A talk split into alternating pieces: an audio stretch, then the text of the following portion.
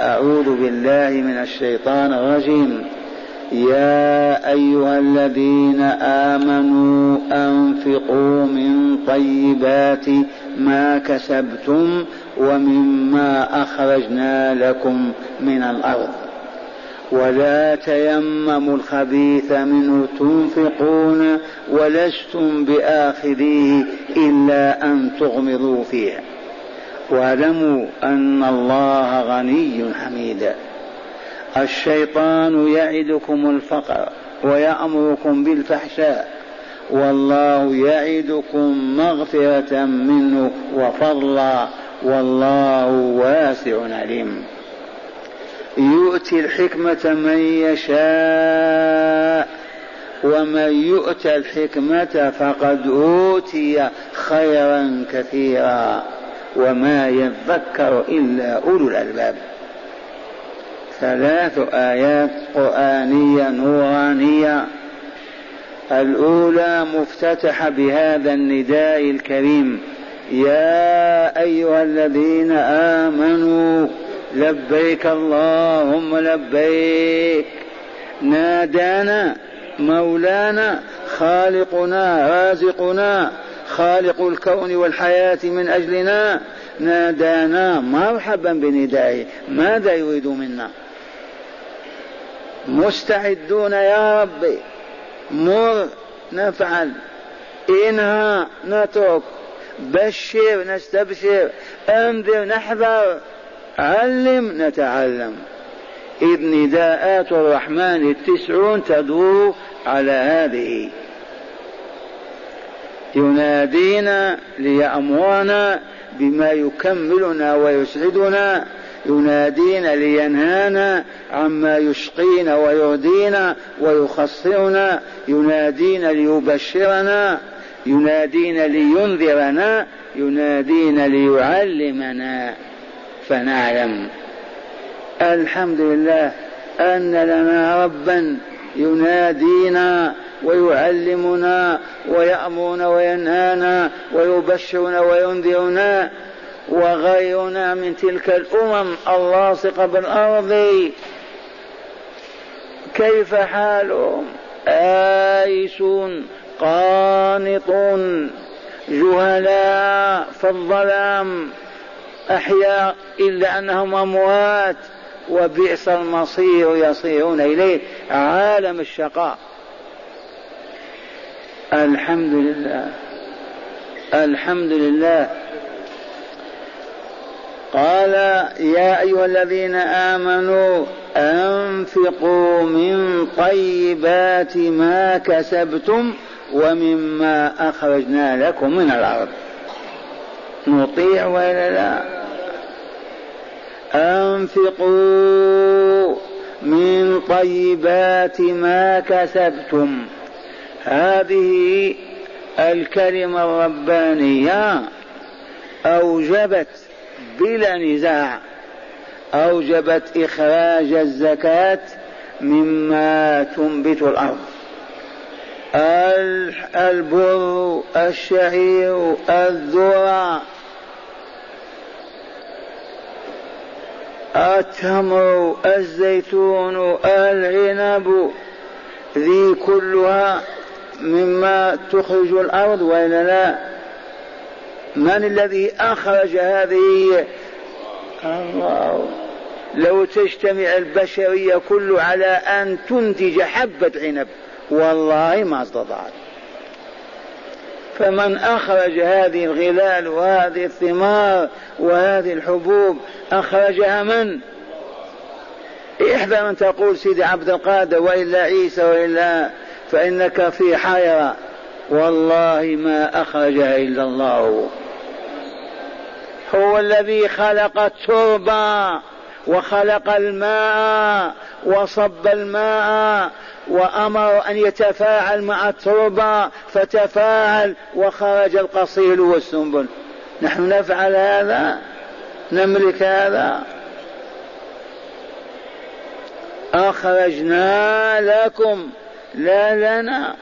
أي من أجلكم أنتم؟ تحتاجون إلى الغذاء وإلا تموتون. إذا هل ينبغي ألا نقول الحمد لله. والله ما ينبغي. الحمد لله.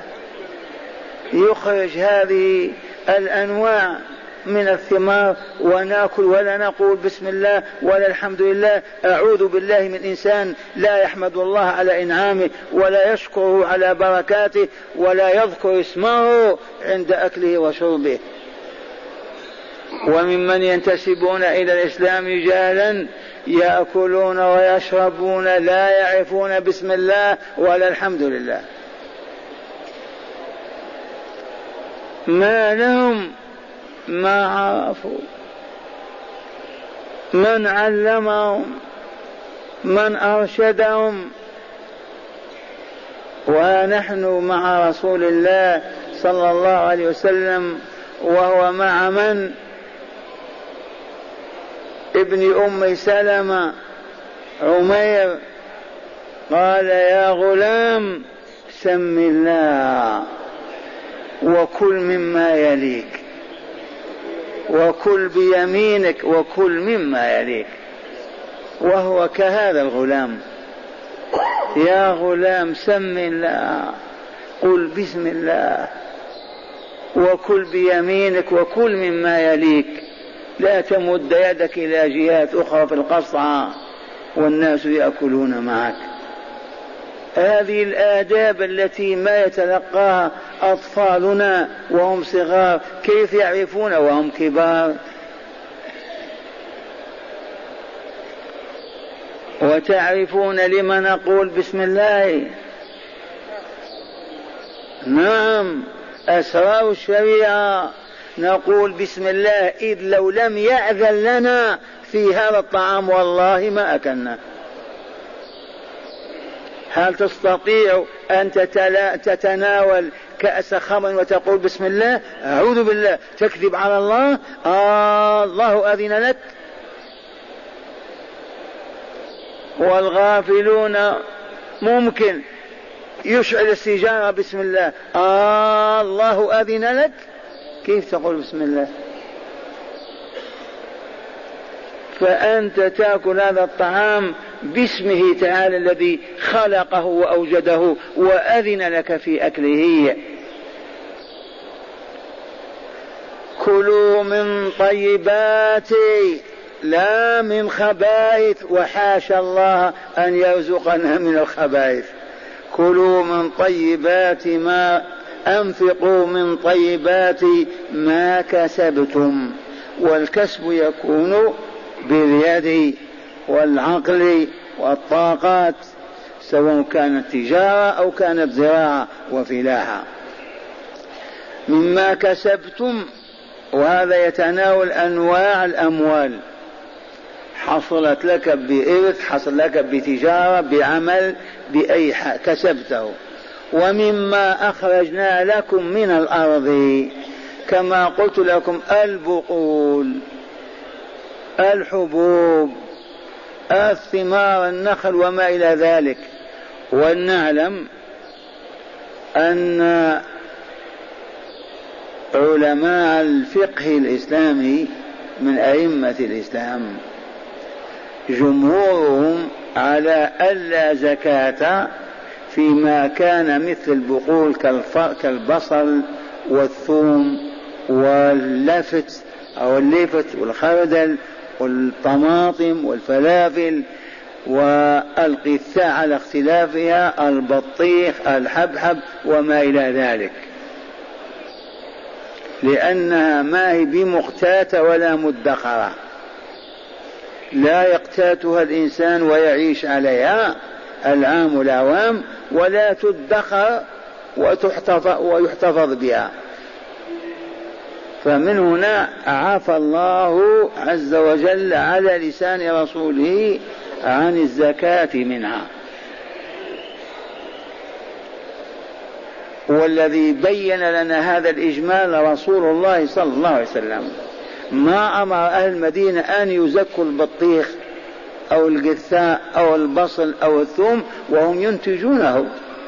لكن أمرهم زكاة العنب إذا كان زبيبا زكاة التمر. أما التين هذا أيضا ما يزكى. وقس عليه البرتقال أو ماذا يسمونه وهكذا الفواكه والخضار. إلا أن المسلمين الربانيين إذا جنوا ثمارا من بساتينهم أو أراضيهم يعطون منه لجيرانهم وأقاربهم وفقرائهم ومساكينهم. لا على أنها زكاة مقننة مقدرة ولكن استجابة لأمر الله العام أنفقوا مما أخرجنا لكم من الأرض. مما أخرجنا لكم من الأرض. وهذا هو المنهج السليم. الحبوب الذرة البر الشعير هذه بالإجماع لأنها غذاء مدخر. التمر الزبيب أما البصل والثوم والخبز و هذه كل ما في الأمر يا صاحب البستان يا صاحب المزرعة يا صاحب الحقل لما تأخذ كمية إلى بيتك أعطي منها لجيرانك أو للفقراء حولك وإخوانك.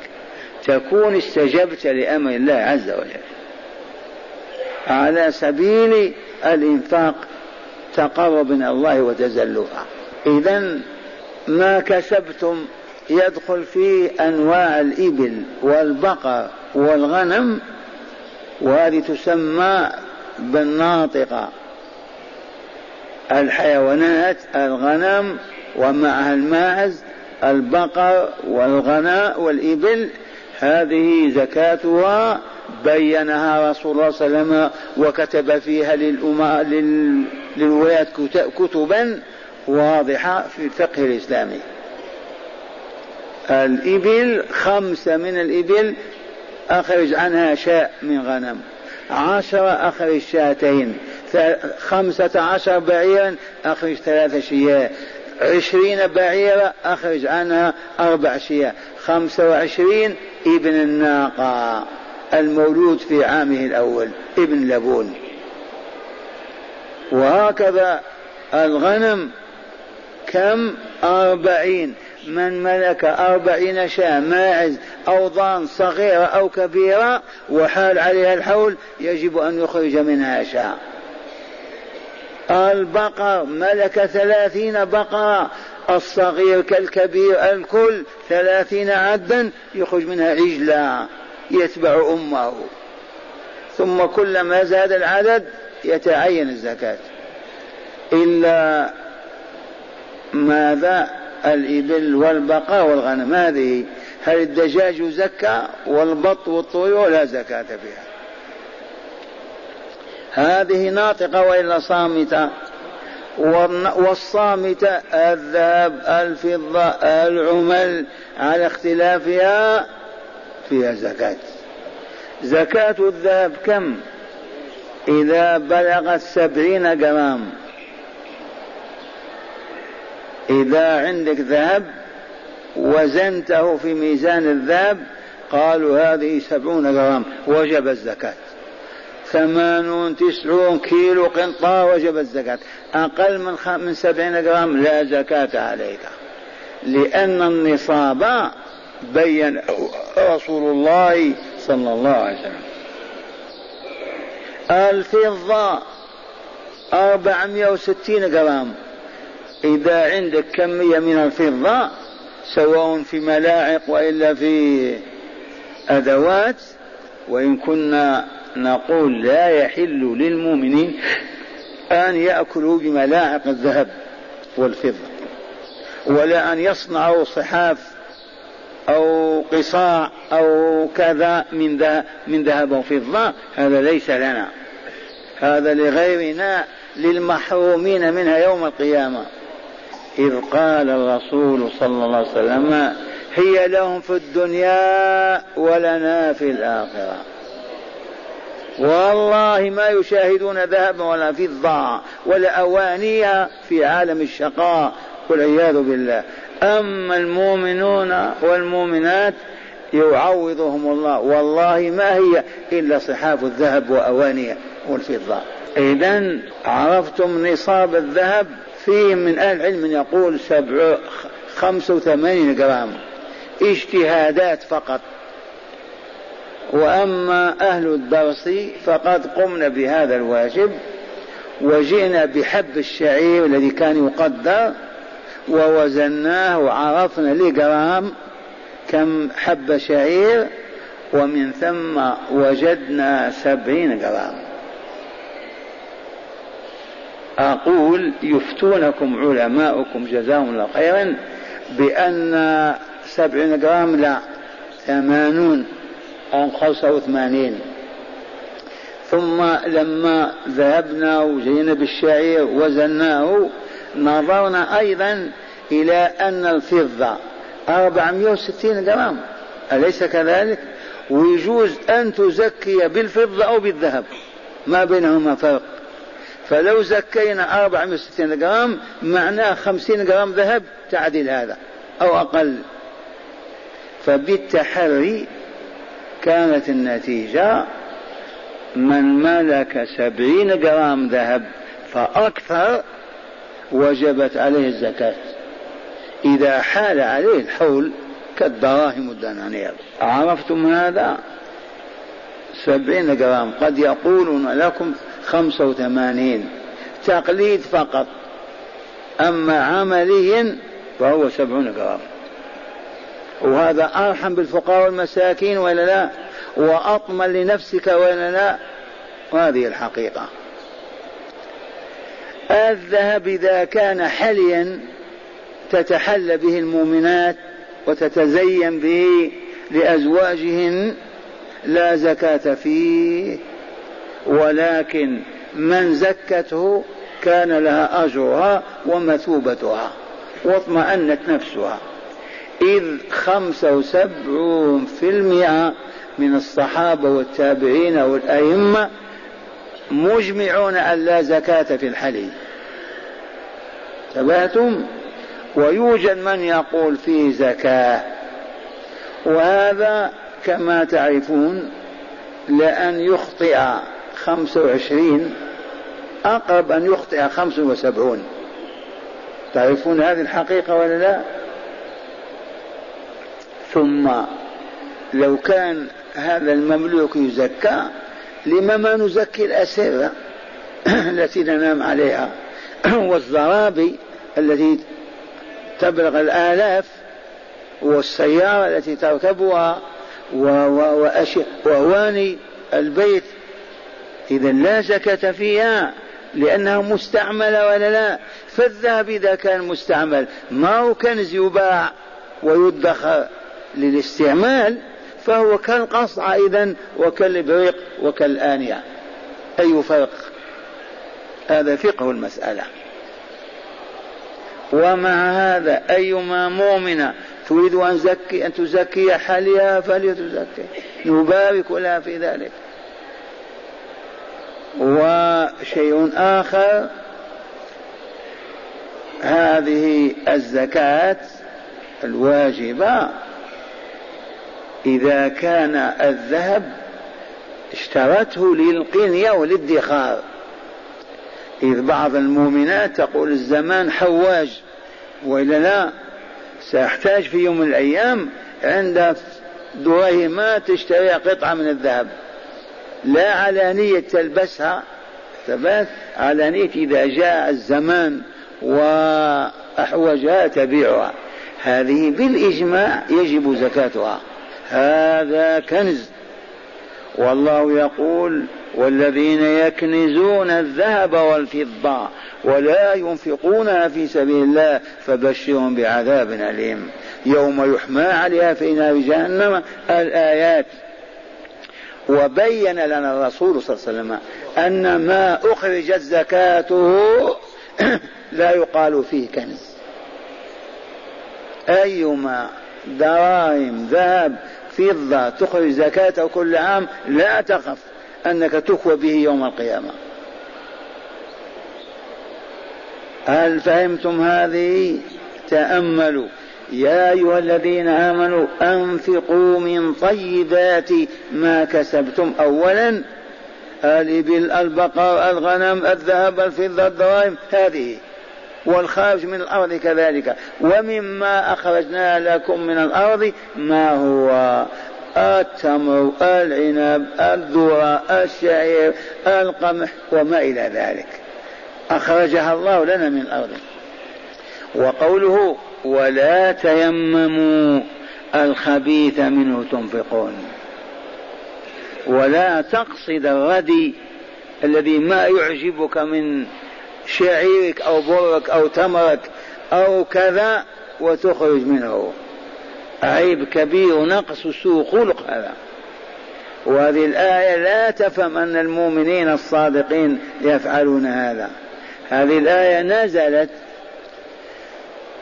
هناك دكة الأغوات ذاك المكان يقال فيه الصفة. كان يجلس فيه المهاجرون الذين لا مال لهم ولا ولد ولا نساء. يأتون مضطهدين من مكة ومن غيرها يجلسون هناك. إذا جاء الجهاد خرجوا ما جاء الجهاد جلسوا.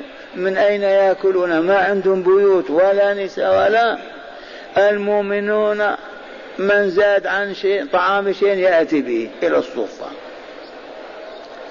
إذا فجعل خشبة في المسجد بين عمودين وأصبح كل من عنده عجون قنو تمر يعلقه هناك. هذا يأتي بعجون بعجونين بثلاثة القنو يأتي أهل الصفة عندما يجوع أحدهم يتألم يأتي بعود ويضرب.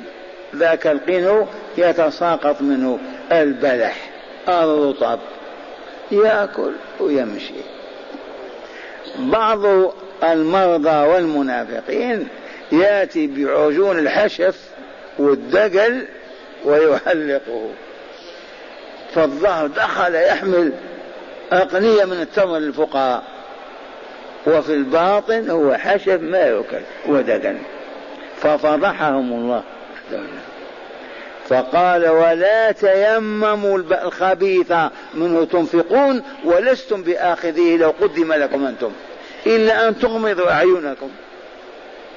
وهذا عام أيما صدقة تصدق بها يجب أن تكون نقية طاهرة صالحة نافعة. طعام ما يؤكل تقدم الفقراء والمساكين تضرهم وأنت ما تأكله. هذه ترفع همم المؤمنين وآدابهم إلى قمم. من ربانا هذه التربية؟ الله. ما وكلنا إلى زيد أو عمر. هو الذي ربانا. ولا تيمموا الخبيث. الخبيث ردي غير الجيد. ضد الطيب وإلا لا. منه تنفقون ولستم بآخذيه لو قدم لكم. أو أعطيتموه.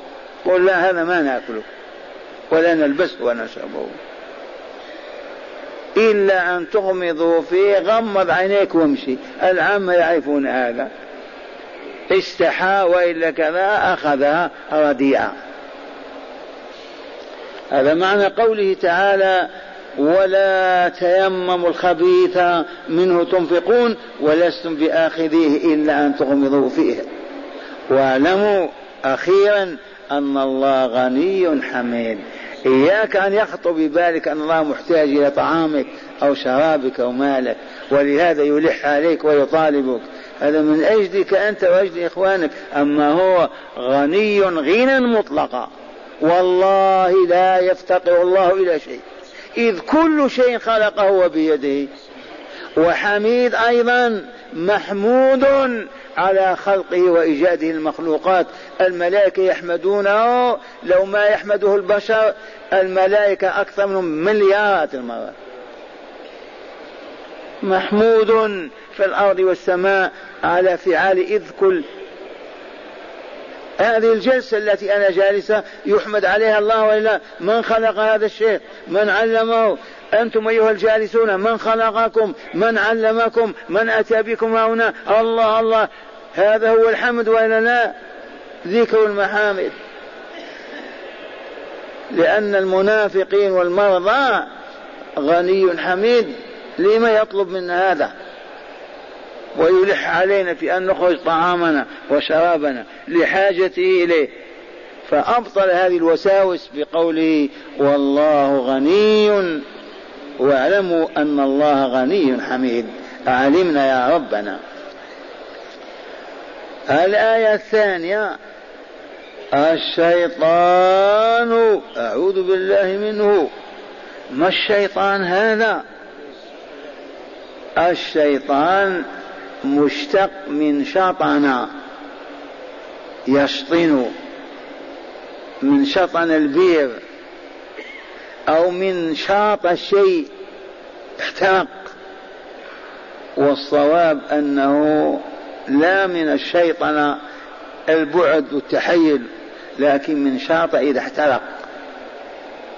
الشيطان هذا هو المكنى بأبي مرة واسمه إبليس. لا إبليس وصف له لأن الله أبلسه. كان له اسم أيام كان يصلي ويعبد الله مع الملائكة والجن. ثم أبلسه الله أي أيأسه من كل خير. ما أصنع فيه خير. قط. ويكنى بأبي مرة هذا الشيطان أخبر تعالى أنه يعدنا بالفقر. إذا أردت أن تنفق آه تنفق غدا ماذا تأكل ولا تشرب؟ مهمته أن يعدنا بالفقر. فيخوفنا من الإنفاق. ما يستطيع ينفق وهو يفهم أنه إذا أخرج ماله اليوم غدا من يعطيه. غدا يصبح يمد يديه غدا كذا يموت بالجوع أو بالعري. ذي وساوسه يعد بها أولياءه والذين يستجيبون له. من أخبر بهذا؟ خالقه. يقول تعالى اسمعوا يا عباد الله الشيطان يعدكم الفقر. والله العظيم. لما يعدنا بالفقر بمعنى يحذرنا من الفقر يحذرنا من الإنفاق حتى لا نفتقر لأنه يريد منا أن نهلك أن نشقى أن نخسر أن نجاوره في عالم الشقاء. لما أنت يا آدم تنجو وأنا وجماعتي نهلك ونخسر؟ الشيطان يعدكم الفقر. ويأمركم بالفحشاء. الفحشاء إذا أطلق الخصال القبيحة الشديدة القبح كاللواط والزنا وكل خصلة قبيحة شديدة القبح ثباتم فاحشة. على سبيل المثال لو يقوم الآن أحدنا ويكشف عن سواله وجسمه ويبقى عاري ويمشي هذه قبيحة ولا لا؟ شد قبح هذا. لكن لو كشف عن فخذه قبيحة لكن ما هي فاحشة؟ لكن لو كشف عن عوراته إذا كل خصلة قبيحة شديد القبح هي من الفواحش. والآية تريد من الفاحشة البخل والعرب يسمون البخل فاحشة البخيل فاحش. إذا الشيطان يعيدكم الفقر ويأمركم بالبخل. لو نستجيب له ما أنفقنا ولا درهم. بما يلقي في النفس من هذه الخواطر يهدد بالفقر والحاجة وما إلى ذلك. الشيطان يعدكم الفقر ويأمركم بالفحشاء. ليس شرطا أن يناديك يا فلان أنا الشيطان لا تنفق خشية كذا لا هو يدخل المحطة ويتصل بك. في محطة إذا أنت دمرتها وخربت ما يبقى له مجال. وما توجد محطة خربت إلا محطة واحدة. وأما محطاتنا يتصل بنا من بعيد من لندن. كيف اتصل بآدم وآدم في الجنة وهو خارج منها؟ الأولون ما عرفوا. قالوا كيف هذا؟ قالوا دخل في صوت حية أو دخل في كذا. يبحثون كيف دخل. الآن نحن عرفنا. ثباتم محطة في النفس عند القلب يستطيع أن يتصل بك وهو خارج عنها. ولهذا لما كان رسول الله صلى الله عليه وسلم في بادية بني سعد رضيعا أجريت له عملية تحطيم هذه المحطة والقضاء عليها. فجاءه ملكان ومعهما جبريل وشق صدره ونزعت تلك اللحمة أو القطعة أو المحل نهائيا. ما يصبح للشيطان أن يلقي بشيء. أبدا. أما نحن ما زالت المحطة صالحة فإذا كان عندك رادار قوي ما إن يحوم حولك حتى تطرده. وإذا كان ما في رادار ولا حراسة يسكن هناك ويغني. يوجد رادار يباع. عندنا الذي يرغب فيه عنده ثمن يتفضل. يصبح آمن. هذا الرادار لا بد له من ثمن. ما هو الثمن يا شيخ؟ نريد أن نشتريه الثمن فقط أن تخاف الله فلا تعصه بترك واجب. أوجبه ولا بفعل حرام حرمه. من العقائد والأقوال والأفعال. إن كان, إن كان هكذا حالك فاعلم أنك تملك هذا الرادار. وإليكم الآية القرآنية التي تدل على هذا الرادار.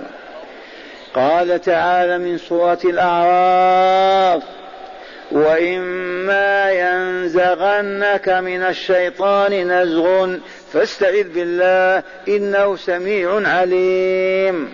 إذا شعرت به أعوذ بالله من الشيطان الرجيم. يطير كالبرق.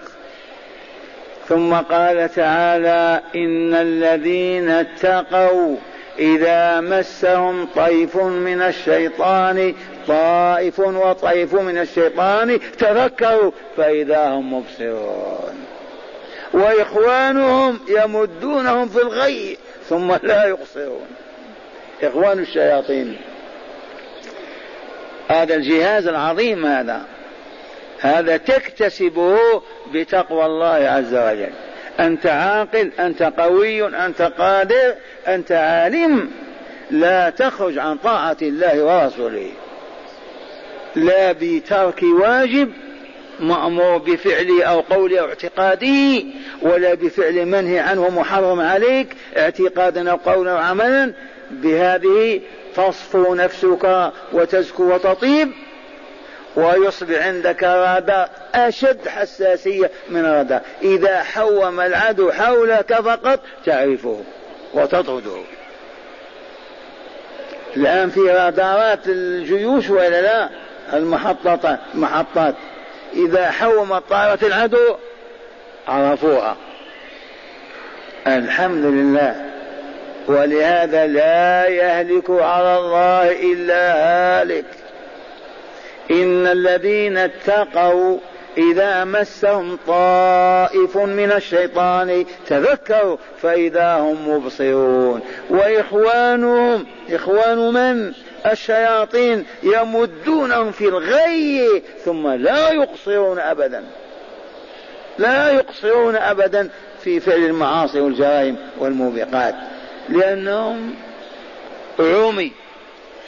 الشياطين تؤزهم أزعا وتدفعهم الباطل والمنكر. عرفتم هذا العدو؟ من أخبر بهذا الخبر؟ العليم الحكيم. يقول الشيطان يعدكم الفقر حتى لا تنفقوا أموالكم في سبيل الله ويأمركم بالفحشاء والخصال القبيحه كالبخل وما إلى ذلك. والله عز وجل يعدكم مغفرة منه وفضلا. تختار ماذا يا عاقل؟ تصبح عبدا للشيطان يأمرك فتفعل. أو تكون ولي الله يعدك. أبشر بما وعدك الله به. والله يعدكم بماذا؟ بمغفرة ذنوبكم من وفضلا الجنة ونعيمها. الرزق الواسع الطيب قل ما شئت. فضل. فضل من هذا؟ فضل الله. ولا تشك إذ قال والله واسع الفضل عليم بالمستحقين لو لا تخف. قل لعل ما عند الله انتهى أو ممكن ما يكمل. ولا يتم. واسع عليم. تقول ممكن ما يعرف عني شيء. ما يدري أنني في أنواق شوط. مثلا أنت معلوم لله عز وجل في أي مكان لأن العوالم كلها بين يديه. إذا فاطمئنوا إلى صدق وعد الرب تبارك وتعالى. والرسول يقول ما نقصت صدقة من مال؟ من يرد على رسول الله؟ ما نقصت صدقة من مال؟ كل مال تزكيه ينميه الله ويبارك فيه وتنتفع به أكثر من أموال المحرمة. والله يعدكم مغفرة منه وفضلا والله واسع عليم. أخيرا يؤتي الحكمة من يشاء. يؤتي يعطي الحكمة من يشاء. هو. من هم الذين يشاء الله أن يؤتيهم الحكمة؟ نبحث عنهم. هل نحن منهم؟ الجواب الذين يطلبونها ويقرعون باب الله سائلين طالبين هم الذين يؤتيهم الحكمة. أما المعرب واللاهي والمشغول عنها وغير الراغب فيها ما يشاء الله إذا اعطاهم ذي سنته. تريد الحكمة؟ اطلب. تعطى. مستكبر معرض غير مبالي لا تريد ما ترضى. يؤتي الحكمة من يشاء ومن يؤتى الحكمة أن يعطاها فقد أوتي خيرا كثيرا. ما هي الحكمة؟ أولا القرآن والسنة. حكمة وإلا لا؟ إذ قال الرسول صلى الله عليه وسلم فلا لا حسد إلا في اثنتين. لا حسد إلا في اثنتين. الأولى رجل آتاه الله مالا فهو ينفق منه الليل والنهار فتقول آه لو يعطيني ربي مالا كما أعطاه أنفقه. أنت وإياه في الأجر سواء بالنية الصادقة. رجل آتاه الله الحكمة فهو يقضي بها الليل والنهار إذا قلت يا رب لو تؤتيني هذه الحكمة لقضيت بها الليل والنهار. وهي هنا القرآن. فأنت وإياه في هذا سواء شركاء هذا ليس بحسد. هذا غبطة. لأن الحسد تتمنى أن تزول النعمة من فلان لتحصل لك. وبعضهم يتمناها تزول من فلان ولو لم تحصل له. وهذا شر الحسد. والعياذ بالله. المهم ألا يرى فلان في خير.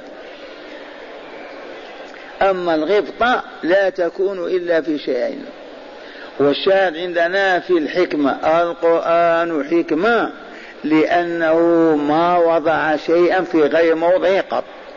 والله ولا كلمة ولا حرف. إذ الحكمة وضع الشيء في موضعه ولا لا؟ الحكيم يضع الشيء في موضعه. لما يصب الحليب واللبن ما يصب في الأرض يصب في الأكوس كذا ولا لا؟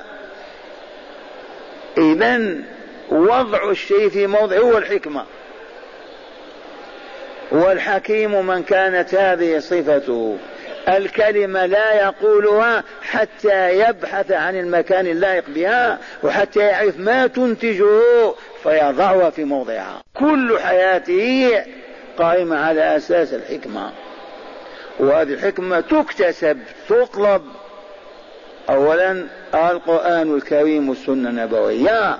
احفظ ما شاء الله وأن تحفظ وافهم ما شاء الله وأن تفهم وطبق واعمل. لا تزال كذلك حتى تصبح والله حكيما. في كل تصرفاتك. في البيع في الشراء في الرحيل في الإقامة في كل شيء لا تضع شيء إلا في موضعه لأنك حكيم. أنوار الكتاب والسنة. إذا ومن يؤتى الحكمة فقد أوتي خيرا كثيرا. ولهذا من أعطي القرآن فحفظه وفهمه وعمل بما فيه وقال إنه فقير أدبوه أدبوه أين الفقر مع القرآن؟ أغنى الناس أهل القرآن. ثم قال هذه تذكرة وما يذكر إلا أولو الألباب. ما الألباب؟ جمع لب. ما اللب؟ العقل القلب. مصدر الوعي والفهم. من يتذكر بهذه المذكرة الإلهية؟ أصحاب القلوب الحية والأموات. هذا إخبار الله تعالى. وما يذكر بهذه التذكرة الربانية في هذه الآيات إلا أصحاب العقول الراجحة والفهوم الصاعدة الطيبة. وهذا مبني على طهارة الروح وزكاة النفس لأن أصحابها متقون. ما تتلوث أرواحهم ولا تخبط نفوسهم. أعيد تلاوة الآيات وتأملوا فهمنا شيئا. يا أيها الذين آمنوا أسمع. كلوا أنف أنفقوا من طيبات ما كسبتم. مرحبا يا ربنا. مستعدون. ومما أخرجنا لكم من الأرض. مستعدون نحن الفلاحون. كذا ولا لا؟ واسمعوا التنبيه. ولا تيمموا الخبيث منه تنفقون. تقصد الردي غير الجيد الذي ما يصلح وتعطيه الفقراء والمساكين. واذكروا العراجين التي كانت تعلق في الروضة. يدس مع قنو فاسد ويقول له فلان جاء أيضا بقنو أو أقنى من بيتي من بستانه. إذا ولستم بآخذه إلا أن تغمضوا فيه. إذا غمضت عينيك تأخذ الردي ثالثا واعلموا أن الله غني حميد. لا يخطر ببالك أن الله محتاج إليك. أو إلى مالك. ما أعطاك هو حقه وماله. فإن طلب منك أن تنفق لتزكية نفسك أو إسعادها ليس معنى أنه في حاجة إليه. الشيطان يعيدكم الفقر ويأمركم بالفحشاء. إي والله صدق الله العظيم.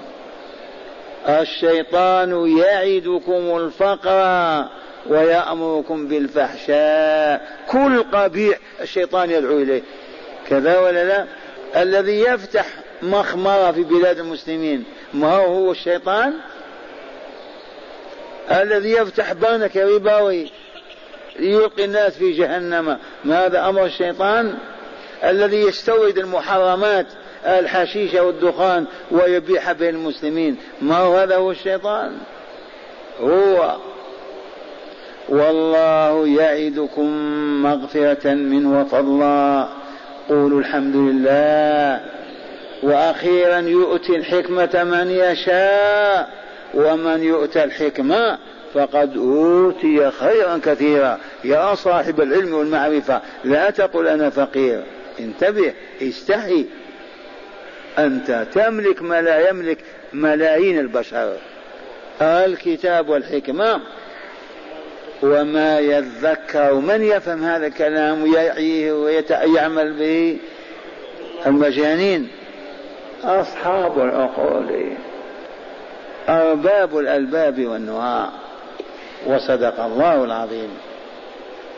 هنا هذا الحديث إليكموه يقول عب ابن عباس رضي الله عنهما حضر هذه الأمة. يقول في هذه الآية الشيطان يعدكم الفقر إلى آخرها يقول اثنتان من الله واثنتان من الشيطان وهو كذلك. قال ويفسر هذا حديث الترمذي إذ فيه قوله صلى الله عليه وسلم إن الشيطان إن للشيطان لما إن للشيطان لما لما لما بابن آدم يلم به يحط به كما قدمنا. لما ولل وللملك لما. فأما لمة الشيطان فإيعاد بالشر وتكذيب بالحق. وأما لمة الملك فإبعاد فإيعاد بالخير وتصديق بالحق. فمن وجد ذلك فليعلم أنه من الله ومن وجد الأخرى فليعلم أنها من الشيطان. فليتعوذ من الشيطان لعلمه بها. من وجد في نفسه لمة الملك قول هذه لمة الملك أنه يشجع على النفاقة وعلى رجاء الله وعلى طلب الفضل والخير. إن وجدت هذا في نفسك احمد الله هذا من الملك. وإن وجدت كيف تخرج ما في جيبك من يعطيك كذا والله لمن الشيطان. الشيطان يعدكم الفقر ويأمركم بالفحشاء والله يعدكم مغفرة وفضلا. إن وجدت في نفسك العزوف هكذا عن الشهوات ورغبة في غير وترك الرغبة فيها دوافع تبعدك عن هذه المحرمات. اعلم هذا من لمة الملك الذي يدخل قلبك. وأخيرا لهذه الآية هدايات. أولا وجوب الزكاة في المال الصامت من ذهب وفضة. وما يقوم مقامهما من العمل على اختلافها. وفي الناطق من الإبل والبقر والغنم إذ الكل داخل في قوله ما كسبتم. وهذا بشرط الحول وبلوغ النصاب.